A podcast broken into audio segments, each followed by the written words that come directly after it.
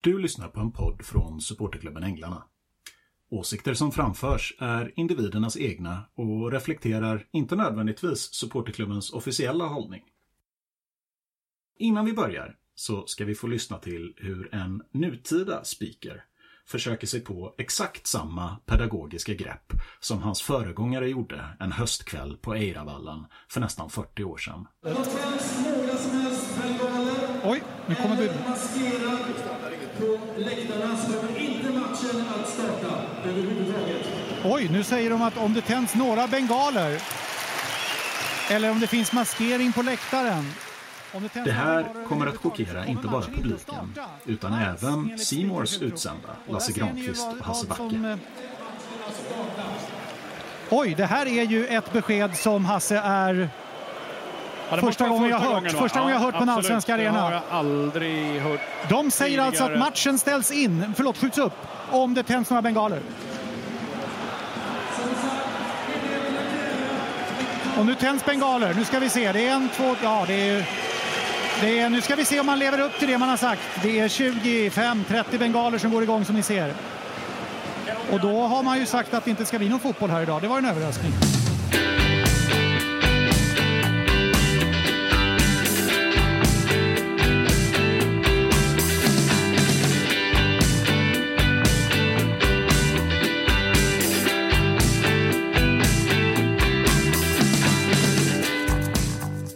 Johan! Ja, Du är här. jag är här. Igen. Ja, Och du är inte på vilken plats som helst. nej, Du är i Majorna. det stämmer. Ja, och eh, John följde inte med dig. Nej, han är väl rädd, kanske. Ja, eller stolt. Han har ju Ja. slängt ganska många slevar just mot eh, den här stadsdelen i, och delarna av Göteborg. Eh, ja, vi, det är ju faktiskt så att vi idag firar vi midsommar i Pontiac Silver du Mariaplan. och det är vi som inte ska hälsa välkomna utan vi ska tacka för att vi får sitta här eh, med dig och hos dig till viss del. Ina Lundström. Ja men eh, välkomna! Tusen tack. Fan vad härligt att ni är här. Det är så jävla varmt ute. Ja, Ja, men här inne är det murrigt och jävligt. Ja, som ett arkiv. Ja, exakt. Du känner dig hemma direkt. Härligt. Eh, ja, men Ina, det, du är ju här som gäst, men du ska också vara med här mer som att samtala. Liksom. Vi ska försöka få ett gott samtal kring det här med publikskandaler. Och vi ska inte gå in så mycket närmare på dig, för utan där får ju folk eh, gräva lite ifall de inte känner till dig. Men du, du är ju lite av... Eh, nej, nu ska vi inte gräva. men däremot så har du ett, eh, en, en historia som Blåvitt-supporter. Du har stått på Gamla Ullevi. Ja, absolut. Ja. Och jag, eh, nej men jag har hållit på Blåvitt jämt och gått jättemycket på matcher, eh, både hemma och borta eh, och haft årskort och hela den biten. Och sen eh, blev det som det blir för många sådana vidriga supportrar som mig att när jag fick barn så funkade det inte riktigt längre och jag har aldrig riktigt liksom kommit tillbaka efter det. Nu är min dotter 11 klarar sig själv, eller a.k.a. vill inte vara med mig längre. Utan, eh, så nu skulle jag ju kunna återuppta det liksom. Men jag vet inte hur ni känner, men för mig fanns det aldrig någon mellanväg. Jag har alltid haft svårt att tänka, ah, men okej jag kanske inte kan få till det om jag ska både jobba och plugga och ha barn och gå på fotboll. Eh, då går jag bara på derbyna exempelvis. Eller då går jag bara på liksom storma. Det har aldrig känts aktuellt typ. Eller det har alltid känts... Jag har alltid fraktat människor som bara går på de matcherna så jävla mycket. Så för mig blev det jävligt så bara, nej men då går jag inte på någonting. Då går jag inte på någonting överhuvudtaget. Men det är också någonting jag saknar väldigt mycket typ. Det känns som en inte helt ovanlig resa att göra för Nej, folk när de blir det. eh, föräldrar. Jag har, känner andra Ja. exempel som, ja. Nej, men jag tror att det är nog typ så här under småbarnsåren så kan det ju vara jävligt svårt att få ihop typ beroende på vad man har för situationer i övrigt och sånt. Men eh, ja, nej, jag lyckades aldrig liksom hitta någon balans i det där typ. Så det var länge sedan jag var på läktaren nu. Ja, det, det blir en subtil passning till John här nu. Då. Härligt. Han som hatar Majerna, ja. ja men han kan ju bara ha det. Men, eh, men ja, mitt senaste, eh, mitt senaste medverkan i ett blåvitt sammanhang, det tror jag att ni har sett eller hört. Men jag har nog ingen aning om att det är jag. När Mhm. det här nya tröjorna, det gjordes en film ihop med Craft. Ja. Typ för Jag de nya där. tröjorna. Ja. Då är det en eh, lite Persbrandt-lik speakerröst. Ah. Som eh, uttalar grejer som vi är här för att vinna. Så, det är jag. Är, är det sant? med ganska många filter lagt på. Jag blev så jävla glad för jag känner Gustav Rönneklev bra som jobbar med, med liksom hela den Merchen. biten. Ja. Eh, och han frågade om jag ville vara med och jag bara fan vad fett, det är klart jag vill. Svinkul att göra någonting för Blåvitt typ. Och så blev jag svinstolt över det och sen när jag hörde det var jag så här. Det var "Ja, inte du längre." reklambyrån har fan dratt i spakarna alltså. för det här är... men, eh, ja, men, men jag är ändå glad. Och nu, nu fick jag sagt det också. Ja. Så det är skönt. Och det klippet kommer här. Historien är historia. Vi är aldrig bättre än vår senaste match. Den dagen vi nöjer oss är vi förlorade. Som jag har förstått det så var det också en, en, en annan grej eh, som eh, lite tog dig bort från eh, supportergemenskapen eh, i IFK Göteborg. Och det var när du skrev reportaget om eh, eh, Wimbledon. Ja, men precis. Jag eh, gjorde min eh, praktik som journalist på Offside, typ. Eh, vilket också var nog varför jag ville bli journalist, var för att jag tänkte där vill man ju jobba, det är asfett, typ. Eh, men så var jag flera vändor och hälsade på AFC Wimbledon då, som är den supporter eh, ägda klubb som bildades istället för Milton Keynes när Ja, Så man- inte det svenska AFC. Nej, obs! Obs är att förväxla med det svenska AFC. Nej men, eh, nej, men precis, jag, jag var över och skrev ett eh, reportage om en klubb som ägs helt utav fansen, AFC, och som har gjort en sån jävla fantastisk resa, verkligen mot alla odds. Eh, och var över flera vänder i London och pratade med deras vd som liksom var en gammal bankman som sa upp sig och nu inte hade lön. Och jag pratade med liksom han inne i maskoten som eh, var en gammal supporter och tanterna som bakar piroger till bortastyrelsen. Och du vet, det var bara så jävla fint. Och jag kände bara att så här, fan vad, jag önskar att det kunde vara mer så här på något vis. Typ. Det var, jag kommer ihåg, jag kommer ihåg att när jag såg kommer inte ihåg vilken match det var nu, men den första matchen när jag kom hem och kollade på att jag bara var så här, fan det här, oh, det hade varit så gött om det var mer. Det var för kommersiellt i Sverige helt enkelt. Och då sitter ändå vi och klagar på hur kommersialiserat allt är utomlands. nej, men det, ble, det blev en jävligt skarp kontrast i alla fall. Ja. Liksom. Det blev det, som gjorde att det kändes ännu mindre angeläget under den perioden att gå på Blåvitt. Liksom. Ja, ja men den, den är ju ganska eh, intressant och det går ju att koppla lite här till vad ni pratade i eh, arkivdelen där, vi inte, när den är intressant i arkivet. Men eh, just det här kopplingen mellan eh, vem som satt i, i, i styrelsen, spelarna och supportrarna. Att det var ett större mischmasch Ja. tidigare liksom. Och det, det är ju ganska likt det. Alltså det, det är ju den omoderna fotbollen. Eh, Som vi på vissa håll kanske fortfarande har i Sverige om man kollar på de mindre bruksklubbarna som kommer Ja. upp där. Eh, Absolut. Det finns ju några kända exempel där. Men jag kan verkligen rekommendera alla som ska till London och vill se på fotboll och gå på en eh, AFC Wimbledon-match. Otroligt trevligt. Jävligt, jävligt nice. ska bli. Vi ska nu då börja prata lite om eh, fenomenet kring publikskandaler. Och som ni var inne på tidigare här också, det är ju tråkigt att uppleva men ändå jävligt roligt att prata om. Ja, det, det finns ju så många vinklar på allting så att man kan alltid hitta någon liten lyteskomikvinkel eller humor eller bara en bra historia vid sidan av allt det tråkiga kring en publikskandal. Ja, precis. Och eh, för, för att det, vi kommer också komma in på det här, liksom vilken sida man ska balansera på, i, i, i vilka aspekter. Eh, men vi kanske ska traggla igenom, om jag har skrivit ner några typer av pu- publikskandaler. För jag tycker också, också det är viktigt att idag pratar vi inte liksom huliganism. Nej, Eh, utan vi pratar publikskandaler, vi pratar inte om vad som händer på- i ett grustag eller ett Nej. industriområde i Kina. Organiserade huliganer, de, det, de får ha sin egen podd. de får sin egen podd, det tycker jag också. Utan vi går in på då vad som händer eh, på och kring läktarna. Och eh, vi har ju några exempel här. Vi har till exempel pitch invasions, eller planstormningar på svenska. Eh, vad ska vi, ska vi säga om den? Nej, jag, jag, jag går igenom de andra Ja, också. Vi har också en hyfsat ny företeelse, eh, bengaltennis. Bengaltennis. Behöver jag förklara närmare? Ja, det kanske jag behöver. Ja, kör den lite närmare så att jag är eh, helt hundra här vi kommer ju säkert komma- in på bengalen också som Ja. företeelse. Eh, men bengaltennis då är ju när det liksom hetsas mellan två klackar. Eh, företrädelsevis när de står ganska nära varandra. Och det är någon som gör det här lite psykopat-huligan eh, att sula iväg en bengal. Ah. Och den landar. Har aldrig träffat någon riktigt vad jag kan veta. Men det har väl hänt en fyra, fem gånger i, i svensk fotboll. Men för att det ska kallas eh, bengaltennis krävs det då att det är två klackar som båda har bengaler. Det kallas inte bengaltennis Ja. om en klack Jag kastar tänk- upp.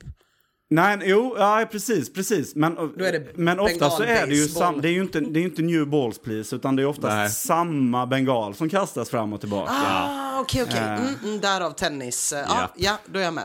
Också det, i, för vår del så var det ju IFK Göteborg-Hammarby där 2015 var det väl. Där det, när, när det här levande sittplats eh, var placerad eh, snett. Ja, just det. Det kommer jag ihåg. Och då var det en bengal som Ja. fram och tillbaka. Eh, men den bröts där ungefär kring 40-15 tror jag. Eh, vi har också raketerna som har börjat skjutas. Eh, det, där har vi ju eh, Svenska cupmatchen mot Gais derbyt där. Arrangörsmissar. Eh, när problem uppstår, liksom, det är oftast en stora, eh, stora publik. Eh, eh, massor som kan eldas upp av, ja men, eh, till, eller missar helt enkelt i planeringen från arrangören. Och så har vi då misogyna och främlingsfientliga ramsor. Eh, har också en historia och kanske vi kommer gå in lite närmare på när vi pratar om vad som har sjungits på läktarna i ett annat avsnitt.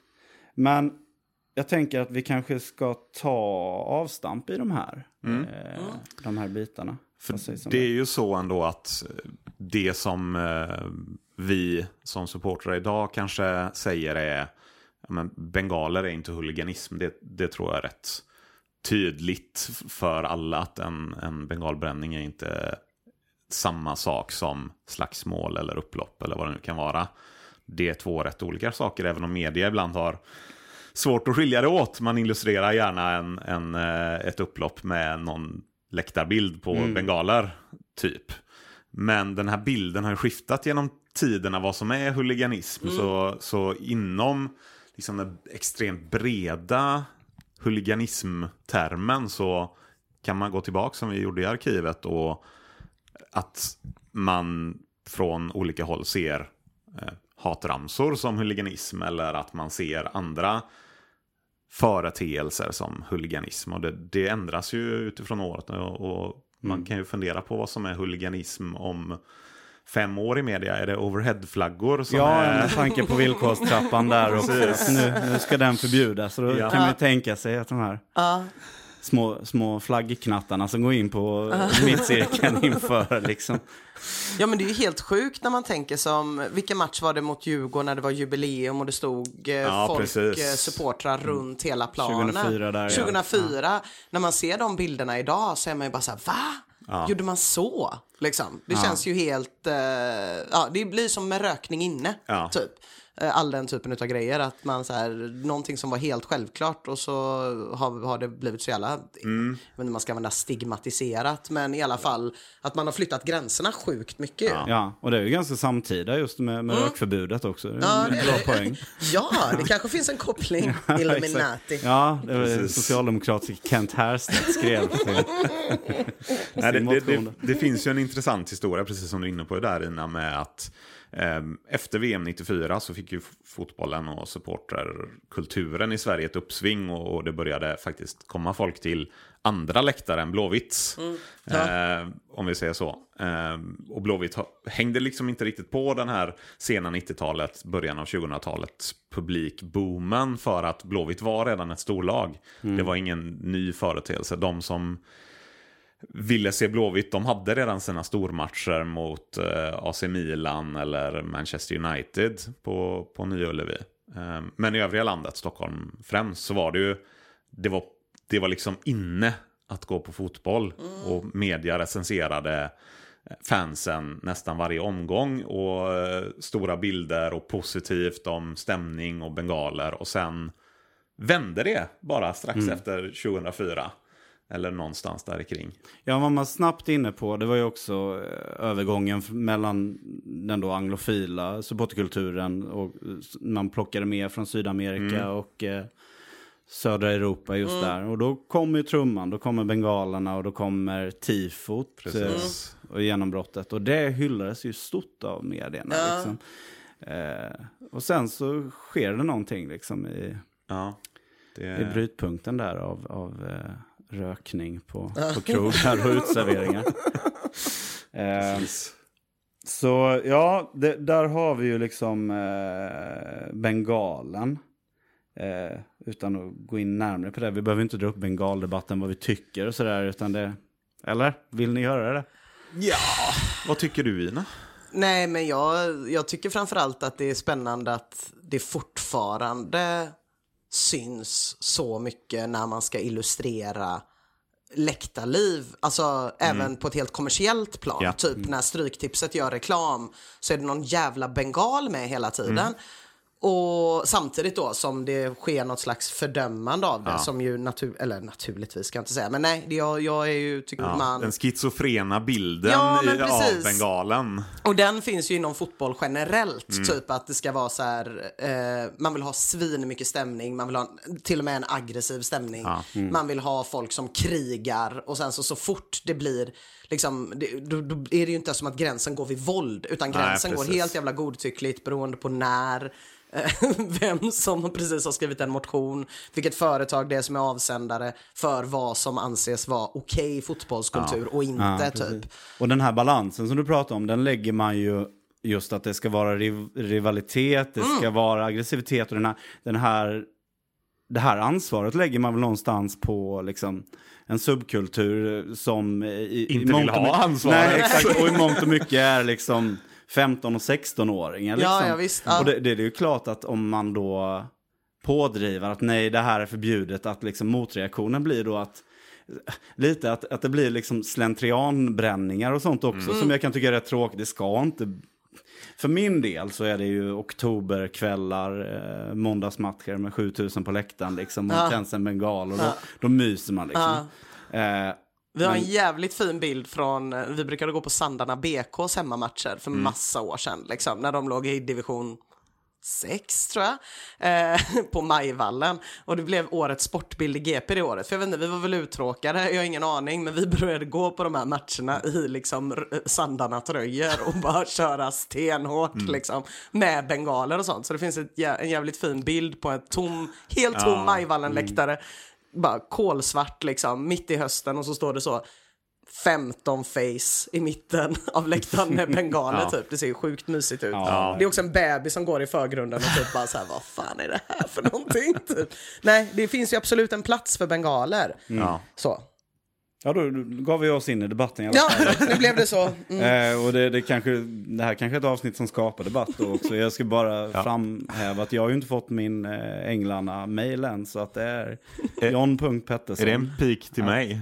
Nej, inte nödvändigtvis. Jag, jag slår mig gärna fri från den. De kvällarna och sitta och svara. Ja. Eh, ja men okej, men vi, då, vi, tar, vi tar oss ifrån bengalen där och då kanske, jag är lite sugen på att prata om arrangörsmissarna där också. För att vi har ju Eiravallen 70 och det finns mycket det finns så mycket att gå in på där. Det är liksom. så jävla mycket fel. Ja, exakt. Det är så mycket som är fel. Men om, vi, om vi pratar ur ett arrangörsperspektiv då. Så eh, dels placera folk eh, i, eh, på, Löparbanor. på löparbanorna och eh, när man även eh, sätter igång den här pitch invasion, ja, också, en, också en del i publikskandalen, eh, så får ju den här spiken en kanonidé genom att säga att ja, jag kommer inte gå in på någon Närke-dialekt här nu, men, men eh, att om, om ni inte lämnar plan så bryter vi matchen. Bryter, bryts matchen då så vet man ju det- inte vad man ska göra, men det precis. kanske ska spelas om. Och vi, det här är ju bara fördelaktigt för Blåvitt. Ja. Det är lite som en vikarie på en högstadieklass som går in och säger att ja, men, lugna dig inte ner så blir det ingen lektion.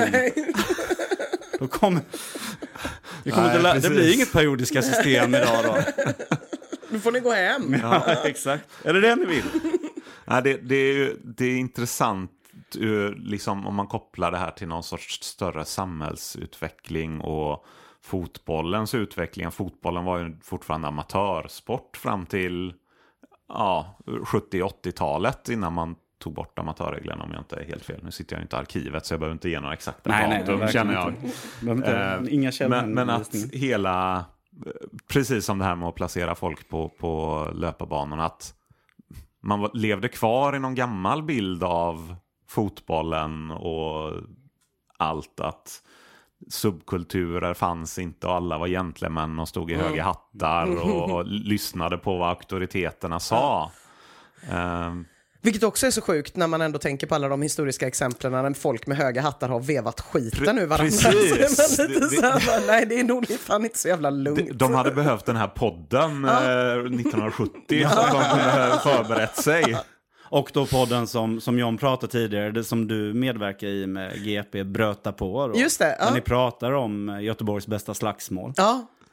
Berätta mer. Ja, absolut. Vi hade ju en eh, lång lista på Göteborgs bästa slagsmål. Jag ville väl eh, långt hävda att eh, brödupproret var ett väldigt bra slagsmål på väldigt många olika sätt. Men sen så eh, finns det ju ett himla härligt slagsmål 1954 eh, där, som involverar 5000 ungdomar. Och den är ju lite rolig tycker jag i ett fotbollssammanhang för att den har ju inte då med någonting nödvändigtvis som, det här sker ju inte på en fotbollsläktare.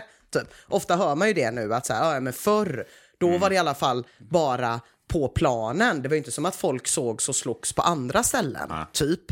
Eh, men det gjorde man ju på Liseberg då, den 14 juni. Det hade blivit 1-1. Eh, vilka fan var det Blåvitt hade spelat mot då? Guys. Ja, det var Guys ja. Exakt så var det ju. Och det var ju typ så sjuka krigsrubriker i tidningarna efter ett, en helt vanlig Lisebergskväll. Liksom.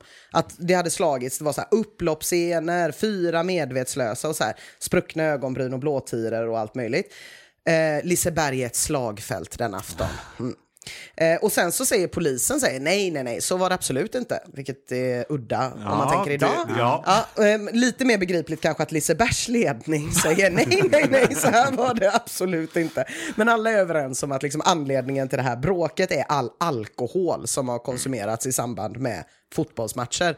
Och ni var inne på det lite tidigare i arkivet också, att man fick ju ha med sig alkohol. Det är fan svårt att tänka sig Ja. idag. Ja, verkligen. Då får man gå på bandy. Ja, knappt det. Alltså. Eh, Ernst Fontell, polismästaren eh, i Göteborg, då sa så här. Det är en blamage för Göteborg att så många bland de fotbollsintresserade på Ullevi nödvändigtvis måste tömma en halv liter under en match. Alltså, tänk att man har ett Ullevi där folk har druckit en halv liter sprit på läktaren. Det är så jävla sjukt. Ja, Man kan inte tänka sig det. Ja, ja, I alla fall dagen efter så är det liksom dags igen. Då har ju rimligen folk läst i tidningen att typ, fan det är lite gott och bråkigt på Liseberg. Kanske idag man ska passa på att ta, ta sig en tur på Rondo. Så det uppstår en massa tumult vid Stora dansbanan och då säger polisen också, precis som pressen, att det liksom är katastrof typ. Ehm, Tusentals ungdomar började skräna och vissla vid Stora dansbanan. Eh, enligt uppgift uppstår tumultet efter att ordningsvakten har gripit en brusad yngling vid dansbanan. Ett gripande som inte uppskattas av ungdomarna som befinner sig i närheten. Också jävligt klassiskt upplägg ju. Att det är en orolig stämning, någon grips och både liksom jag säger absolut inte att det är polisens fel som grep den här personen då 1954. Men man vet ju hur snacket börjar gå bland det gänget. Att bara de har tagit någon, vad fan. Tänder oh. man vårdkasarna. Precis. Eh, och då säger eh, poliskammaren inte att det beror på alkoholen, eh, kravallerna dag två, utan att det ställs för lite krav på dagens ungdom. säger man. Ytterligare ett tema. Ja, ett klassiskt jävla tema. och då säger poliskammaren så här. Man kan icke påstå att de ungdomar som vållade lördagsspråket är kriminella element, men de är hållningslösa och har genom det sociala daltande med ungdomen som nu systematiskt bedrives fått den inställningen att de själva äger rätt att bestämma hur de bör uppträda. Ursinnig. Eh, men det blir faktiskt kritiserat, så det här tycker jag är en jävla god formulering som kom i GT dagen efter det då. Eh, där man skriver, om, resonem- om resonemanget ska hållas så vill det nog till bevis att busaktigheten var mindre i tider då det inte daltades. Man har nog för sig att det kunde bli en del pöbeluppträdanden på den tiden också. Så det är jävla härligt ändå att redan 54 så var det ändå dels någon som sa att det var för att man daltade med ungdomarna. Hur mycket man nu daltade med ungdomarna då? Oklart. det man var slog dem fortfarande söndagsskola och... för söndagsskola och stryk. Ja, var det fortfarande. både hemmet och skolan hade barnaga fortfarande. Men det var ändå ett jävla daltande. Men det är också skönt att veta att det redan då fanns någon som ändå var lite så här, Ja. "Ah, daltades det? Mm. Undrar om det här tusentalet ynglingar var från Mastugget och Majorna. Ja, vi får förutsätta det tycker jag. Det kan vi förutsätta. Det kan vi absolut förutsätta. De rann ner från Stibergsliden. Ja, Ja, det, det är också en intressant aspekt av all, alla de här publikuppträdandena eller publikskandalerna. Hur eh, samma åtgärder föreslås från eh, externa källor, eller externa källor, ex, folk som inte har så bra koll på varken fotboll eller subkultur eller kanske eh, arbetssätt inom det sociala, eh, hur, hur man går tillväga för att stävja saker. Det, Ja. det är ju allt från, som, som vi tog upp i arkivdelen, de borde ha ett kokstryk. Eh, det borde bli mer auktoritärt igen. Eller vi borde höja priserna så att inte den här lägre klassen har tillgång till de här aktiviteterna. Eh, vi borde stänga läktarna och förbjuda alla att gå. Eller varför, varför lär vi inte av historien? Ja, det är så jävla konstigt. Ja, hur, vad är egentligen bakgrunden, ni kan säkert svara på det, till att man placerade levande sittplats så som man gjorde från början, exempelvis? Det var egentligen rent logistiskt tror jag. Det var den enda platsen man såg då som kunde ha en ordentlig bar och liksom, Ah, ja, okej. lite av som var möjlig att avskilja från I så fall kan man ju publiken. ifrågasätta varför bortaklacken nödvändigt skulle placeras Ja. precis där. Det- Men, nej men det bara sådana grejer liksom. Ja. Som man så här, jag menar annars kan det ju bli väldigt polit men, eh, politiskt. Men ofta så känner man ju bara att så här, det är små, små saker Ja. som en person rimligen borde kunna räkna ut att så här, det här är en lite dålig idé eller det här funkar nog inte liksom. Men sen så är det väl också typ så här, det- det var väl en större... Jag tänkte på det när jag lyssnade på det här om de gamla slagsmålen där runt 1910 typ. Att då är det liksom, ja, dels är det högst oklart vem som är tränare och Ja. vem som är spelare och vem som gör vad. Precis. Så att alla gör allt. Men det är också som att alla lite mer slogs. Det känns som att det har blivit typ en sma, mindre och mindre, i takt med att det har blivit grövre våld ändå, så är det liksom också en mindre grupp som slåss. Så det känns som att det sker en ständig sån arbetsdelning i, i, om man tänker läktarskandaler eller läktarvåld, fotbollsvåld, om man säger det, så sker det liksom hela tiden en arbetsdelning. Så jag bara tänkte på, tänk om det är så om typ 20 år, när det är huliganer som slåss, då har de liksom ett gäng som bara kör pushkicks. Och så har man ett gäng bakom som bara kör något annat. Bara, Pilbågar. Ja, pilbågar och så har du ett lavettgäng som är längst fram och bara psykar och typ så här, att det blir liksom mindre och mindre att alla Ja. gör lite av allt. Det blir liksom en form av eh, ett, ett våldsamt Stadskampen. Thomas Ravelli springer runt och är domare. Ja, men för folk, folk slåss ju inte idag som de gjorde förr. Nej. Alltså det är, ju- folk slåss ju inte idag som de gjorde ens när vi var unga. Nej. Och liksom, vi slogs ju mindre än vad våra föräldrar gjorde. Så typ att vara i ett slagsmål, om det skulle hända på min dotters skola, ett slagsmål nu. Det skulle vara stort. Det är en stor jävla grej liksom. Så att det är ju också så här att det är färre och färre som typ ägnar sig åt det. Och jag tror också då är det färre och färre som typ kan fatta Eh, ja, då pratar man ju om våld, men om allmän laglöshet. Liksom, Att det är färre och färre som kan förstå det. Att man sätter en sån jävla tydlig gräns mellan det skulle aldrig jag göra. Typ. Eh, och det är ju inte så jävla konstruktivt. Det är väl bättre om man ska försöka undvika det och fundera på vad skulle få mig att göra det. Och då fundera på, ja, kanske om jag Tvärtom hade... vägen också, Kanske om liksom. jag hade deras bortaklack precis under mig i vissa situationer. Kanske då. Precis. Nej, och, och det följer väl samhällsutvecklingen i stort, Mm. tänker jag. att det, det var kanske inte färre brott förr, men det var på en mer... det var en mer jämn skala. Mm. Det, det var byaslagsmålen på logen när det ordnades dans och grannbyn kom förbi och, och rövade. Eh, det ser vi ju inte idag, precis som du säger, utan det, det förskjuts till mer ja, organiserad eller grövre brottslighet samtidigt som övriga samhället blir kanske mer och mer laglydigt. eller vad man ska kalla så att, eh, Och det kanske talar för att på något sätt att det inte är ett fotbollsproblem i grunden utan ett samhällsproblem på något sätt, det, det man ser. För att man ser speglingar av fotbollen i samhället och Ja, tvärtom. absolut. Vid alla tillfällen. Mm. Ehm, Ja, precis. Och när, jag tänker det där om vi går in på ansvarsbiten då. Vilka är det som har ansvar för att det här sker och vem, vad blir efterspelet? Vem ska, vem ska hängas liksom? Och eh, vi har ju haft, det där har ju också skiftat. Eh, det var helt fantastiskt det här. Och det vet jag att ni nämnde i er podd också just att ja, det blev spelarna som blev, eh, ja.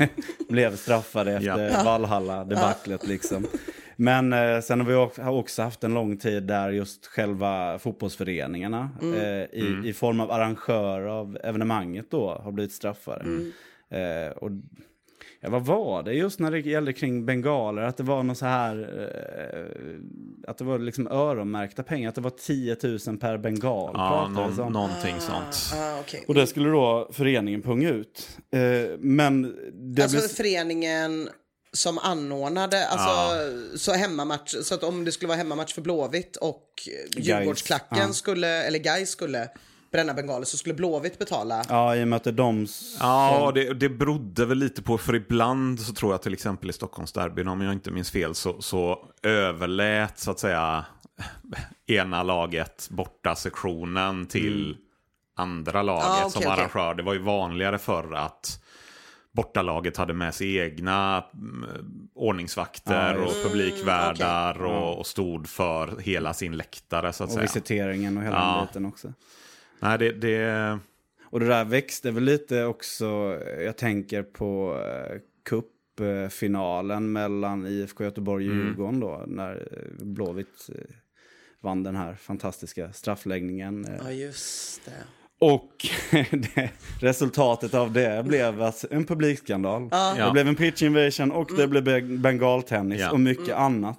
Eh, vi var många inne på planen som firade och det var många som kutade bort direkt till Ja. Djurgårdsklacken lik- liksom, och skulle mucka gräl. Eh, säga hej. Säga Ja, hej. säga ja, hej. säga hej bönder kanske. Eh, Men då, är det ju, då var det Svenska fotbollsförbundet som arrangörer. Då ska de då bötfälla sig själva. Ja, eller? jävligt konstigt. Precis. Och, och hela, och den är ju återigen uppe med villkorstrappan. Va, vad, kan man bötfälla någon som gjort allt i sin makt enligt alla regler och lagar som står för att förhindra saker? Är det föreningens fel när någon lyckas lura reglerna och, och få in en bengal eh, på något sätt? Eller är det en enskilds ansvar då i det skedet? Det blir det- jävligt amerikanskt typ om det ska bli som att ja, men man har skadat någon inne på en target. Typ. Mm. Ja. Så är det target som ska ha ansvar för det liksom. Precis. Trots att det inte är en del av Targets affärsidé att folk Nej. ska gå in och hugga ner andra. Typ.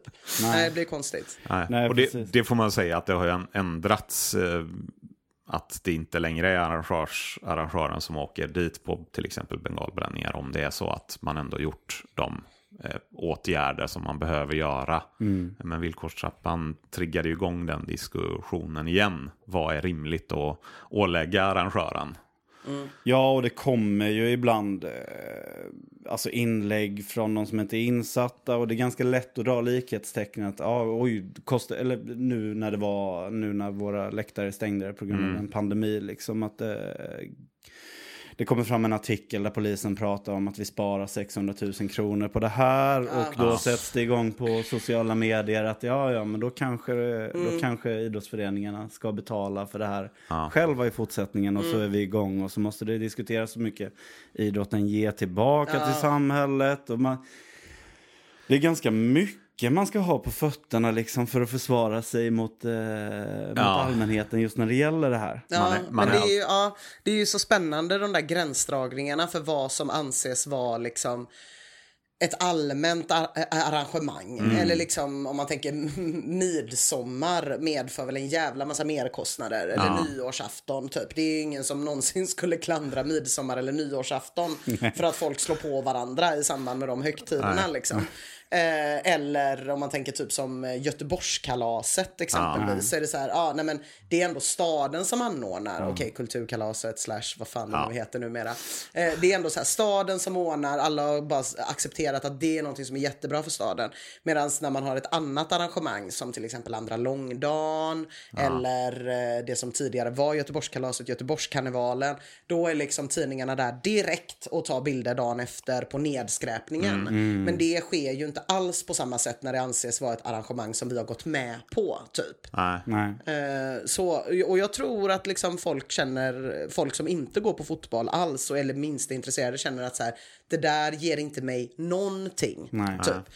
Men Eh, och jag tror att egentligen lika många känner Göteborgskalaset ger inte mig någonting. men det är liksom en mycket mindre så här, utbredd tanke att man ens skulle kunna vara utan det. Liksom. Ja. Nej precis. Det, man, får, man får ha överseende när det är trafikförseningar på grund av Göteborgskalas. Men också ja, men till exempel demonstrationer. Liksom, och tar ju också en, en stor del. Men det, det är ju någonting man måste bita i. Ja, ja, visst. Precis. För att det är ju en del av eh, Ja. samhällsuppbygget. Ehm, ja, eh, jag, tänkte göra lite nedslag här, lite, lite mer moderna. Och för att jag kommer att tänka på det här just medias bild av eh, Bengalen och de eh, stökiga supportrarna. Liksom att vi pratar om att det har blivit bättre, absolut. Vi har ju i den här villkorstrappan debatten ändå så känt att Många i, i media har varit med oss liksom. Men vi har lite så här, jag, jag kommer att tänka på, jag började söka på eh, Bengal, skandal, IFK Göteborg. Och eh, kommer tillbaka till 2018, premiären borta mot Trelleborg. Kommer du ihåg den Johan? ja, det gör jag. Det var påsken och det var det här 2018 eh, när alla pratade om den tokvarma sommaren. Men vi glömde det griskalla vinterhalvåret också. Det var påskdagen med eh, ja, snöblandat regn. Ja. Och eh, det som kom ut från eh, ja, alla de stora, både kvälls och morgontidningarna och till och med Trelleborgs An- Allehanda var just att en flicka skadat sig från eh, sviterna av en bengal. Osäkert om hon höll i den själv eller eh, vad skadorna blev. Men det var väldigt, väldigt mycket och det, det kan man gå in och kolla på själv, det är de flesta. Eh, den här flickan eh, var 20 år och jag vet inte riktigt hur. Jag skulle nog inte kalla... Jag vet många 20-åriga kvinnor som skulle bli lite snea att bli kallade flickor. Ja. Ja, men precis. Och eh, det man inte heller, det, det står också ord som supporterkaos vid eh, både på läktaren och vid insläppet. Eh, vi har en vakt som får ett staket över sig eh, och eh, skadar sig lite. Eh, ordet blessyrer nämns, alltså skråmor. Eh, det som inte nämns däremot är just att det är de här runt 2000 göteborgarna, där vi var två av dem, liksom, ska in på läktaren, samlas där i, snöbland, eh, i snökaoset och eh, ska in genom en trådsmal passage där det är insläpp en och en. Eh, och då kan man väl ändå så räkna ut lite att det här är en arrangörsmiss. Eh, och har man inte då ett ansvar lite att gräva och lite, vara lite liksom självkritisk där också. Ja. Eh, Ja, det, det, det är en svår balansgång. Det, man vill ju inte sitta och säga att det hände bara för att det var en arrangörsmiss. Så det finns ju såklart Ja, någon klart. sorts egenansvar i det också. Men som du är inne på så blir ju ofta debatten eh, rätt snedvinklad i, i termer av att en arrangörsmiss tas i princip aldrig upp som något som utlöser någonting. Eh, Nej, alltså det optimala hade väl varit om man arrangör kan erkänna sina misstag så kommer väl också vissa av supportrar göra det också. Det är ju klart, alltså. Inte alla, Eh, men Nej. det är ju ändå eh, 1800 göteborgare där som, eh, som, som gör Trelleborg och då är det inte för att shoppa utan eh, andra tillfriskande Precis. tag. Nu när vi inte får ta med oss alkohol på läktaren längre. en halv liter sprit exakt. Så det, det är ju tänkvärt det där, just Mm. ansvarsbiten. Nej, media har ju en stor roll i alla frågor. Det, när vi gräver i arkiven, det vi hittar är ju i, i princip det som media skriver. Det finns ju, speciellt inte från tidiga eh, publikskandalerna, några vittnesmål från de som faktiskt var med. Om det inte nu råkar vara så att de heter C.V. Linde och även skriver i Nordiskt idrottsliv. eh, men, och sällan från liksom 20-30-talet och 40-50-talet heller. Det är ju, det är media och polisens bild eller rapportering som, som kommer ut. Det har ju förändrats från Örebro 70 finns det ju mängder av. Det räcker att söka på nätet så hittar man jättefantastiskt. Ja men äldre gubbar som skriver, startat blogg för att skriva om sina upplevelser på Eiravallen 1970. Det är lite mysigt ändå. Så där och nu med liksom hela nya medielandskapet. Vi har Twitter och alla möjliga kanaler där faktiskt supportrar kommer till tals på ett annat sätt så, så får man kanske en lite mer nyanserad bild av allting. Ja, å ena sidan så tror jag man får det, men å andra sidan så, jag vet inte varför jag känner så, men jag tror att jävligt många människor känner sig längre ifrån fotbollen än vad de Ja. gjorde förr. Att det mer har blivit liksom någonting som den gruppen sysslar med, att det är mindre folkligt helt enkelt. Ja. Typ. Eh, och i och med att det blir det så minskar också förståelsen så jävla mycket. Liksom. För då har man inte varit på läktaren själv och man vet liksom inte vad det är och man kan inte känna skillnaden mellan en stämning som eh, är det här då att folk skriker, mm, fast med andra ord, typ krig, krig, krig och att det faktiskt är krig, typ. Utan man hör krig, krig, krig, blir livrädd, går hem och skriver en krönika om att man inte vågar gå på stan, typ så här. Så att det känns som att så här, det är färre som kanske är uppvuxna med och i alla fall har gått på en del fotboll eh, och att det är liksom det skapar ju, det tror jag är ganska farligt typ Ja. på många sätt. Eller jag tyckte det blev väldigt tydligt nu när man diskuterade Zlatan-statyn exempelvis. Ja. Hur folk var så jävla oförstående kring att det var ett problem med eh, att placera den i Malmö liksom i samband med Ja. hela Hammarby-grejen. Att, att folk jag tänkte ändå att så här, "Ah, ja, men det tillhör väl någon slags allmän bildning och förstå eh, hur en, på vilket sätt det skiljer sig om man är en fotbollssupporter från om man till exempel gillar ett band. Eller att ja. det är något ganska fantastiskt i att det är 2000 människor som i jävligt rötna väderomständigheter åker till en, ursäkta mig, ganska röten stad, Trelleborg, liksom, och väljer att tillbringa sin helg med det. Och att de människorna kanske känner stör, en större investering i det än om man går på Monster Trucks i juli under liksom fantastiska förutsättningar och köper en godiskabel typ. Och jag, där blev jag faktiskt lite chockad hur diskussionerna gick. Där jag bara var så här, fan folk har ju verkligen inte typ gått på fotboll, väldigt många som skriver. Och jag kanske bara inbillar mig att folk gjorde det förr, men det känns bara som att folk hade lite bättre koll på det där. Du har nog en bra poäng i det att det åtminstone funnits perioder eh, som, där fotbollen faktiskt var folkhemmets Mm. stora sport. Alla hade en relation till fotboll på något sätt oavsett om det var att man i Göteborg alltid gick på alla lags matcher eller att man åtminstone jobbade på varvet där alla var blåvita Ja. runt en eller... eh, Alla ser blåvitt, hela världen ser blåvitt. Precis. Nej, men, jo men det är ju faktiskt så när man pratar med äldre göteborgare typ så alla vill ju prata om fotboll. Det är ju ingen som är så insnöad som folk som gillar fotboll idag är. Utan det är alltid exakt samma saker som säger. inte, inte väldigt generaliserande. Ja, Men ofta nej, men- liksom. ja. Men alla, det är liksom någon slags kanon, även tanter liksom. Att det är inte bara gubbar utan alla göteborgare i en viss ålder kan ändå redogöra för Blåvitt eller så. Men då har det också period. uppstått den här diskrepansen liksom, Ah. eh, nu då mellan. Och det, det tror jag, jag är faktiskt inne på det också, just att en förening som IFK Göteborg blir lidande av den typen. Mm. För att det är ju ändå så, eh, en av Sveriges, kanske Sveriges, jag vet inte, jag har inte sett de senaste Ja. undersökningarna, populäraste förening liksom. Men, men drar ändå så liksom alltid i runda slängar runt eh, mellan 9 och 13 000 i snitt liksom. Och, och det är ju den här eh, massan, de här marginalerna vi har pratat om eh, och som man pratar lite fult i, om liksom i supporterkretsar.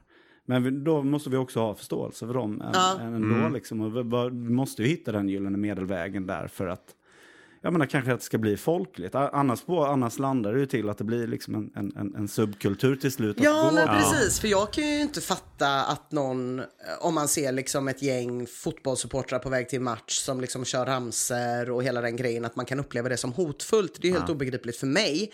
Men det är ju samma sak som typ så här, om jag ser en sharp skin eller en nazist, 90-tals nazist typ, så visste man vad skillnaden var då, för att man hade massa kompisar som var sharpskins och man visste så här, nej men de har andra skosnören och typ så här, man tyckte folk var helt jävla sjukt töntiga som blev rädda för sharpskins och trodde det var nazister typ. Där har vi också en liten eh, fraktion i, i, i Blåvitt led också. Eh, ett, ett litet skinhead-gäng. Ja. Men de är riktigt härliga. Ja, fan vad mysigt. Men, men så tänkte jag på det här om dagen när jag stod på Mariaplan och det kom två stycken som såg ut som klassiska nazister slash sharpskins. Att jag typ inte hade koll på koderna längre. Och jag står där med mitt barn och en jävla trött Majorna morsa och bara var så här, fan nu är hon sån som jag själv har pissat på. Folk som bara så här, vadå, sluta vara rädd typ. Du ser ju på skosnörena. Jag bara, jag kommer inte ihåg vad fan var det nu jag skulle där, kolla. youtubar eh, 30 november. Hur var det nu? Hur fan var det nu? Ja, men det är så jävla jobbigt också när man känner att man hamnar typ lite utanför de grejerna. Det är så lätt när man är inne i det och bara vara så här, vad fan det här är härligt typ. Men om man inte har någon relation till det så fattar man ju också. Men jag kan ju känna att om man då inte har någon relation till det så kan man självklart tycka att det är obehagligt eller någonting. Man måste kanske inte skriva en krönika kan jag känna. Nej. Nej, det, det är kanske någonstans där som, som man bör tänka till om man vet tillräckligt om. Nej, jag ska inte säga att man inte ska skriva om saker man inte vet om. men, eh, men någon sorts självrannsakan kring, vet jag verkligen vad det här är? Ja. Så att jag kan skriva att de borde inte göra det. Ja. Eller har jag missuppfattat något? Ja, det känns väl rimligt. Men det, det, är en, det är nog en jättebra poäng just den här att det, fotbollen har blivit en mer separerad del från samhället i, i stort som gör att det är svårare för övriga att ha förståelsen. Um, Ja, men sen- precis, sen så fattar man ju, för när man kollar på fotboll, jag kan ju tycka att man borde fatta. Mm. Liksom, och när man ser hur tidningar skriver om, liksom, ja, kri, använder krig, krigstermer och allt Mm. det där, så kanske man borde fatta att det är viktigt för folk. Liksom. Men det är inte alltid så lätt. Precis. Nej, och samtidigt så har vi ju, om man pratar medieklimat, kanske för första gången någonsin eh, sen IFK grundades 1904, en, en media som i mycket högre utsträckning faktiskt står på supportrarnas sida. Men det, det kanske är samma fenomen där att allmänpressen, de är som vanligt och sen har fotbollsjournalistiken glidit ifrån övriga, också mer separerad från allmänpress. Ja, Ja, precis. Att det är mer redaktionellt eh, separerat. Ja. Ja. Jag tänker på de här enskilda trubbelmakarna här nu. Det finns några exempel eh, som vi kommer komma, in på. Och hur man dels som förening men också liksom som, som supporterkollektiv eh, hanterar deras, eh, deras verk eller ja, deras mm deras brott. Eh, för jag kan någonstans känna liksom det här att vi som supportrar kan släppa lite väl mycket och sen glorifiera de här eh, exemplen. Likt liksom, Terror-Tommy hade vi i Djurgården där i slutet. Och jag vet, vi, vi sitter och ler åt bara namnet nu också. men, men det är alltså en kille som eh, Djurgårdens sista match, när de är klara för att åka ur, ligger under mot Halmstad, springer in på Stock Stockholms stadion och gör en klassisk 90-tals eh, Hoppspark. hoppspark i ryggen på Anders eh, Frisk från Mölndal. Eh, och eh, vi har lite senare också, jag tänker Kevin Hagan i, i Malmö. Eh, hatade tag, men sen så kommer en ramsa på Skåne där, men ni ska akta er för Kevin Hagan och, och den biten. Och att, ska de här glorifieras? Begår de inte ett a- allt för allvarligt brott på liksom våran, vårt duggregn av känslosamhet nu när, det här avsnittet när vi ändå så bara namedroppar olika... National, eh, Ulf Dageby. Ja, nu har varit Dagby, det har varit Kjell Höglund och, och tidigare också. Och eh, Torssons. Men håller ni med mig i detta? Att det, det glorifieras lite i, i just de här enskilda våldsverkarna? Tycker ni att det ska... Ja, men det är en jättesvår fråga också. Att en subkultur ska ju vara någonting som inte alla andra är. Man ska vara anti vad resten tycker.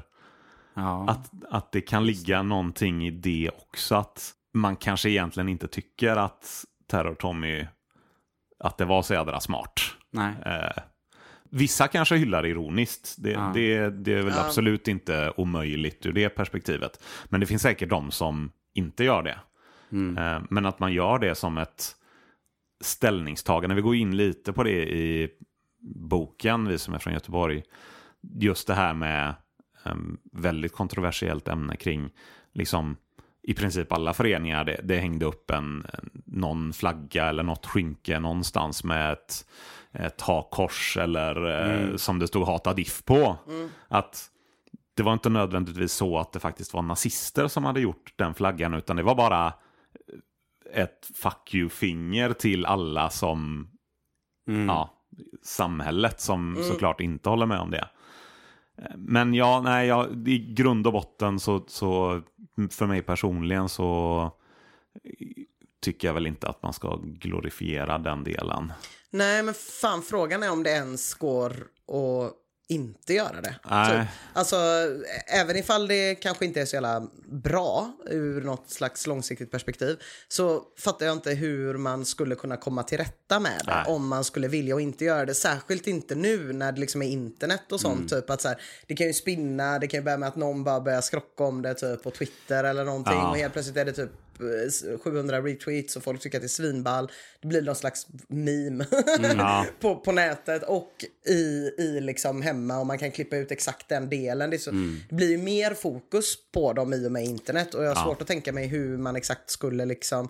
Nej, man kanske inte så här trycker upp merch från supporterklubbens sida. Typ. Det fattar jag ju att man kan skilja på. Men att det ska uppstå på läktaren känns svårt att undvika.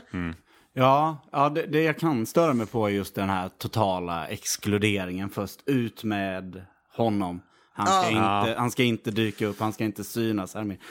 Känslomässigt såklart, liksom, den totala. Men, eh, och, och det här leder också liksom, och sen ut med honom och sen ändå en liten liksom, ja, en liten gloria. Eller, en liten, eh, värd att nämna. Man exkluderar först liksom, helt tystnadskultur kring hän- händelsen eller våldsverken. Men sen så liksom blir det ändå så en, ett kapitel i historien. Eh, och, och där tänker jag då också att eh, just måste man exkludera någon som har gjort det här? Eller kan, kan personen i fråga få en chans att eh, göra, något för, göra något för klubben eller, eller, eller supportkollektivet?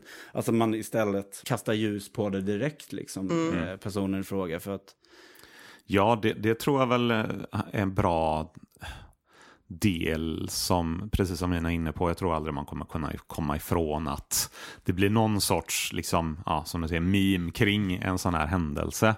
Men att istället för att bryta alla band, att använda den här personen till och göra något gott. Det finns ju föreningar som har program att man istället för att bli avstängd i ett eller två år eller vad det nu kan vara så, så får man göra en sorts ja, men, typ samhällstjänst för föreningen. Var det Djurgården som hade den så här? Ja, de Ja, okej. bland annat har det. Att, att man liksom, för den här exkluderande delen, det, det, det är också en grej som speglas i samhället i stort. Att exkludera någon från den goda delen av eh, fotbollen eller samhället gör ju inte direkt att de blir mer pigga på att vara en del av den goda delen av Nej. fotbollen eller Nej, det blir samhället. bara att man själv ska kunna stå där och mysa och säga där gick vår gräns Ja. allihopa. Liksom. Precis, då söker de ju sig snarare kanske till de mer våldsamma eller de sämre delarna av en eh, fotbollskultur eller en samhällskultur eller vad det nu kan vara. Och då, där tror jag att det är bättre att försöka inkludera dem och visa vad det är som de potentiellt förstör för, så att säga. Sen blir det också en, precis som du sa, en, en jättesvår fråga att hantera för de som inte är insatta i fotbollen. Ja, ja, ja. ja. Jaha, ja, nu gjorde han det här. Och då tar ni in honom så att han får ännu närmare föreningen. ja. Jättesvår fråga. Och någon som inte är löst på hundra, hundra år. Nej. Nej. Och med tiden så blir det ju mer och mer att man glömmer så här, såklart. Liksom. Ja. Ja, och- det är väl en, en del av det också. att mm, ja, men, Arkivdelen, när vi, vi sitter och skrattar åt allt det som hänt för 50 plus år sedan. Det var kanske inte så roligt då för målvakten att få eh, jordkockor i, i skallen. Nej. Men nu så blir det en sån, någon sorts absurd eh, scen som man ser framför sig. Nej, jag, jag tycker faktiskt att det har förändrats lite eh, från fotbollens sida hur man hanterar det här. Vi har ju numera krav i allsvenskan på att man ska ha en SLO, en supporter liaison officer, som sköter någon sorts medling mellan supportrar och förening och polis och, och allt möjligt. Och Där har vi... Kristoffer Lindahl Precis. som är IFK Göteborgs huvud-SLO. Och Och, jag jobbar matcher så jag är väl lite part i målet här också. Och Jesper. Och Jesper Salberg. Som också sitter i Änglarnas styrelse. Precis. Nu fick det sagt. Nu, nu är vi tillbaka till 1912. Alla gör allt. Men hur smakar dina piroger? Jesper är andra målvakt också. Precis. Nej men, eh, och det är ju verkligen inte jag som har någon del i det, men, men där ser man ju i rapporter att polisen är ju jättenöjda med att ha SLOer som har minskat liksom, ordningsstörningar på läktare med väldigt många procent sedan de infördes. Eh, 2012 om jag inte minns helt fel.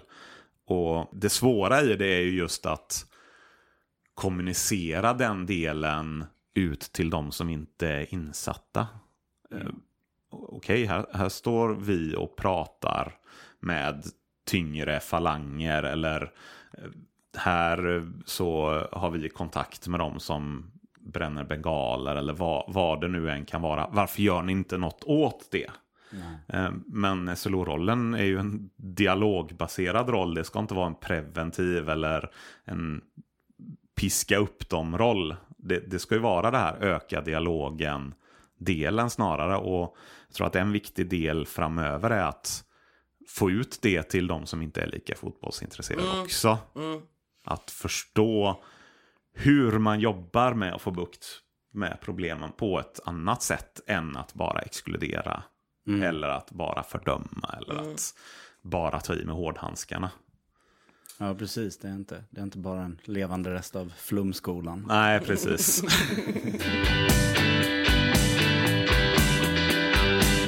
John nämnde det i BB-podd, just den här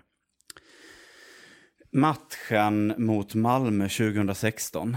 I ett case där hur lätt vi, ja men som vi pratade om innan lite, hur lätt man glömmer och eh, nästan kan garva åt i efterhand. Men just denna matchen, den, den sitter kvar i mig liksom som en eh, traumatisk tagg. Det handlar väl en del om att eh, jag vid den här tidpunkten bodde i Malmö. Suck. Ja, nej, på många sätt. Eh, och skulle åka tåg hem med många Malmö-supportrar som åkte de här Öresundstågen ner. Men också att det är ju verkligen en match. Om man skulle säga att Eiravallen, Örebro borta där, eh, nämndes som den moderna huliganismens födelse. Och sen det skjuter vi ner lite. Mm. Det, mm, kan döpa till den moderna publikskandalens födelse. Då skulle man nästan kunna säga att den här matchen är lite, alltså den moderna publi- pu- publikskandalernas peak någonstans. Epicentret Ja. för... eh, För den har ju så fruktansvärt många komponenter. Och jag, jag, jag sitter här nu med, med något slags eh, pilsystem och försöker få, få med alla här. Eh, vi har ju två stora rivaliserande klubbar. Här Ja. är tidpunkten där det pratas om, kanske pikar också i den här debatten om vilka som är den mest eh, framgångsrika föreningen. Någonsin stjärnor och eh, ligatitlar och seriesegrar och slutspel och eh, Europa, ja allt. Fan, och hans moster. Det är en laddad match från början liksom. Pratats upp sedan veckor. Sen har vi då liksom själva skandalerna.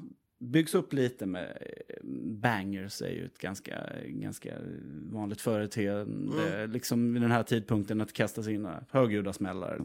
Kommer tillbaks till det.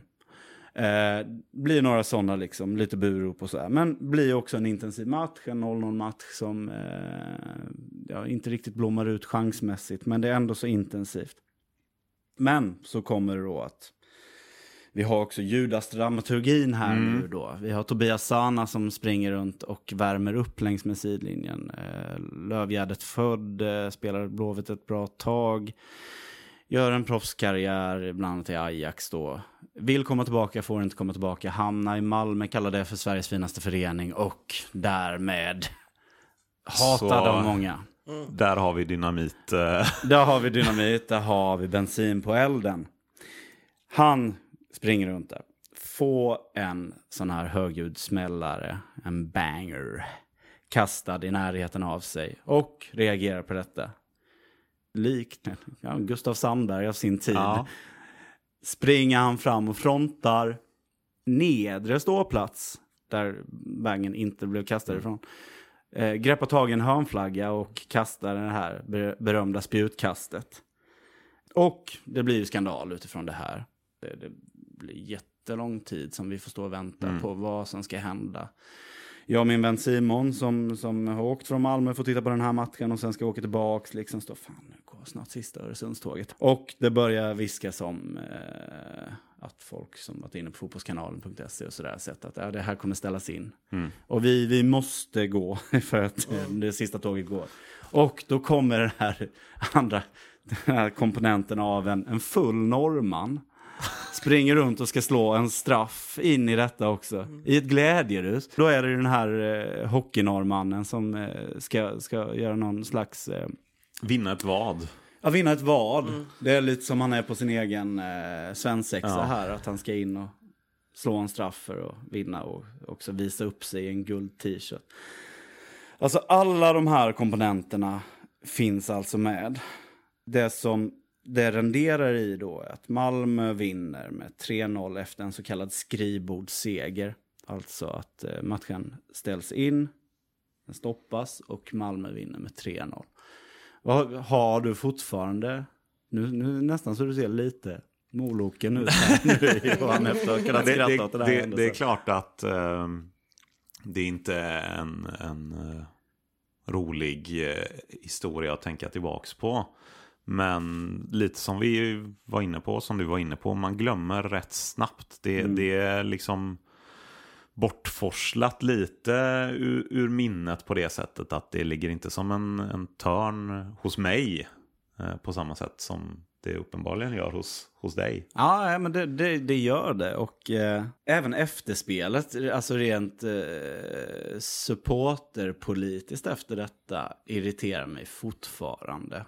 Inte nog med att eh, de får med sig 3-0 eh, och Blåvitt blir nästan lite så här Ja men på ett känsloplan, bortkopplade från en guldstrid där liksom. Och det, det blir ganska, en ganska talande utgång liksom för vart klubbarna är på väg. Just där och då. Eh, men det är ju en person som drar igång en eh, kampanj där eh, han uppmanar att Malmösupportrarna ska kräva pengarna tillbaka. Eh, av IFK Göteborg, då, arrangören. Och, och det här upprör mig och eh, mig personligen. Nu pratar jag inte som styrelseledamot i Änglarna, även om jag gärna ser att vi, vi kanske skriver in det i våra stadgar. Att om man någonstans är med på det här att fotbollsmatcher ska avgöras på plan, ur ett supporterperspektiv, vad som ens står i reglementet, då kan man inte göra en sån sak bara för att skada, även om det är för att skada liksom en rivaliserande klubb, utan det, det här blir ju det här blir något ställningstagande också. Det är att man går med på att det är en skrivbordsseger och man då har rätt att kräva tillbaka pengarna. Eh, för, mig, för mig legitimerar det det här beslutet och nu vet jag att om vi återkopplar till, me- till media, att Marcus Vul- Vulkan skrev att det var ett MFF Support-initiativ. Visade sig att det inte var det sen också. De fick komma till tals i media. Men de tog emot pengarna för det här, för att det skulle skänkas. Och för mig är det lite blodspengar. Jag, jag kan säga mycket om MFF Support. Liksom, tycker att de har gjort ett väldigt bra jobb på många, många sätt. Liksom. Jag har ju följt dem utifrån marginalen i Malmö. Men, men det här tyckte jag var ett, ett övertramp. Och eh, som sagt, om det är någon som lyssnar på det här som vill komma med mothugg så finns, finns, går det bara att mejla vår ordförande. Eh, Inte dig alltså. Nej, det går. Jag har ju fortfarande ingen styrelsemail. Så det, det går inte hur mycket jag än skulle vilja svara på. Ja, Går i svaromål. Nej, det, det kommer att tänka på det. Det går in lite på vad, vad du Ina sa förut. Det här med att, eh, så att säga, fotbollen har blivit en egen del av samhället. Att i, i mångt och mycket, hur, hur mycket vi som supportrar än eh, hatar eh, eller ogillar eller inte gillar eller är likgiltiga inför andra lagsupportrar. Så finns det tillfällen när man inser hur mycket närmare vi står varandra än övriga samhället, om man ska kalla det som så. Eh, ja, ja men precis. Vi, vi, jag eller nämnde ju borde det. stå varandra. Ja, precis. Jag nämnde det förra avsnittet, just det här med Anders Almgren, att han har haft en, en tvåpins banderoll eller flagga på Malmö. Malmö-sektionen. Eh, kanske, vi kanske inte nämnde riktigt varför, men det var ju hans arbete liksom för att eh, stävja eh, upp... Hävandet av Ja. 51 procents Precis, regeln. och där är vi ju överens liksom. Mm. Och det här agerandet var ett övertramp från den, eh, den överenskommelsen, tycker jag. tycker det är jätteintressant och det har, har blivit, jag har fått, vad ska man säga, upp ögonen ännu mer för det sen, sen jag blev match-SLO och träffar andra lags SLOer och, och rör mig mycket mer i situationer, både i SLO-rollen och utanför SLO-rollen i samband med supportklubben Änglarna, där man träffar andra lagsupportrar. Att i, i rätt forum så, så är ju vi närmsta allierade mot omvärlden. Samtidigt så kan man stå i annat forum när det är match och skrika krig, krig, krig mot det andra laget. Det är, en- intressant del av men, mänskligt beteende. Man vill ha krig, krig, krig för att det skapar ju, det, det, det, många går på fotboll för att det är bra stämning eller hetsk stämning eller att det är känslosamt. Men samtidigt så blir man Pikachu-meme, förvånat ansikte, upprörd så fort det råkar gå över gränsen någon gång. Det är en jättesvår gränsdragning att, att, att dra. Men eh, det har det inte för er i alla fall, då, om ni bara behöver svara personligen, också ganska mycket med ålder att göra? Typ att om man tänker hur, inte bara när det gäller fotboll utan generellt typ att ens förmåga att tänka långsiktigt på sådana saker var ju jävligt mycket mindre när man var 16 än vad den är nu och den var också mindre när man var 20 än vad man är nu. Typ Ja. så här. Att det liksom finns ju en period i mångas liv där inte det riktigt går att liksom, ja men typ hålla de gränserna. Ja. Riktigt. Att man Ja. inte fattar den nyansen typ. Jo, att det är så här, ja, nu är det detta men sen är det det liksom. Jo, det är klart det finns en nyansfri period som vi alla har gått igenom. Ja, Som den är- är underbar. Ja, den är fantastisk. Och många tycker den är lite, lite väl fantastisk. För att, för att många stannar ändå kvar i Ja, den. ja, visst. Eller inte Ja, många, Nej, men... men det finns ett gott gäng som gör det liksom. Såklart, men det finns ju, det kan man, jag vill ändå inte beskylla ungdomen för det. Nej. Jag kan ändå tycka att vuxna människor borde ju kunna se den nyansen.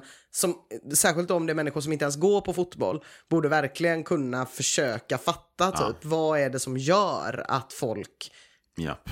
Ja, s- va- varför kan en 16-årig kille när han hör krig, eller en 16-årig tjej, inte känna så här, ja ah, det kanske inte är mig de menar, det kanske Nej. inte är jag som är soldaten här. Och kriget som ska vinnas kanske inte är att typ, Kasta gatsten eller ja, eller så här, du vet, vara. det kanske inte är det det handlar om liksom. Det är, ja, det är ändå en grej, men att folk runt omkring bara vägrar se det, det är Ja. provocerande. Och det har de vägrat se i hundra år. Ja, Det precis. står ju också i källorna i, i början så var det kanske främst lite, lite äldre. Då, då pratar vi inte gamla men 20 plus. Men det är rätt snart i, i arkiven som man hittar att ja, men det är 17-18-åringarna eller det är Ja. 15 till 17-åringarna Precis, eller ja. till och med 11 till 13-åringarna som, som är de här som stormar plan eller som Mm. kastar snö på målvakten eller vad det nu kan vara. Jag kan tycka att det är helt sjukt fett att ens en 16-årig idag, med tanke på det enorma nöjesutbud som finns, väljer att gå på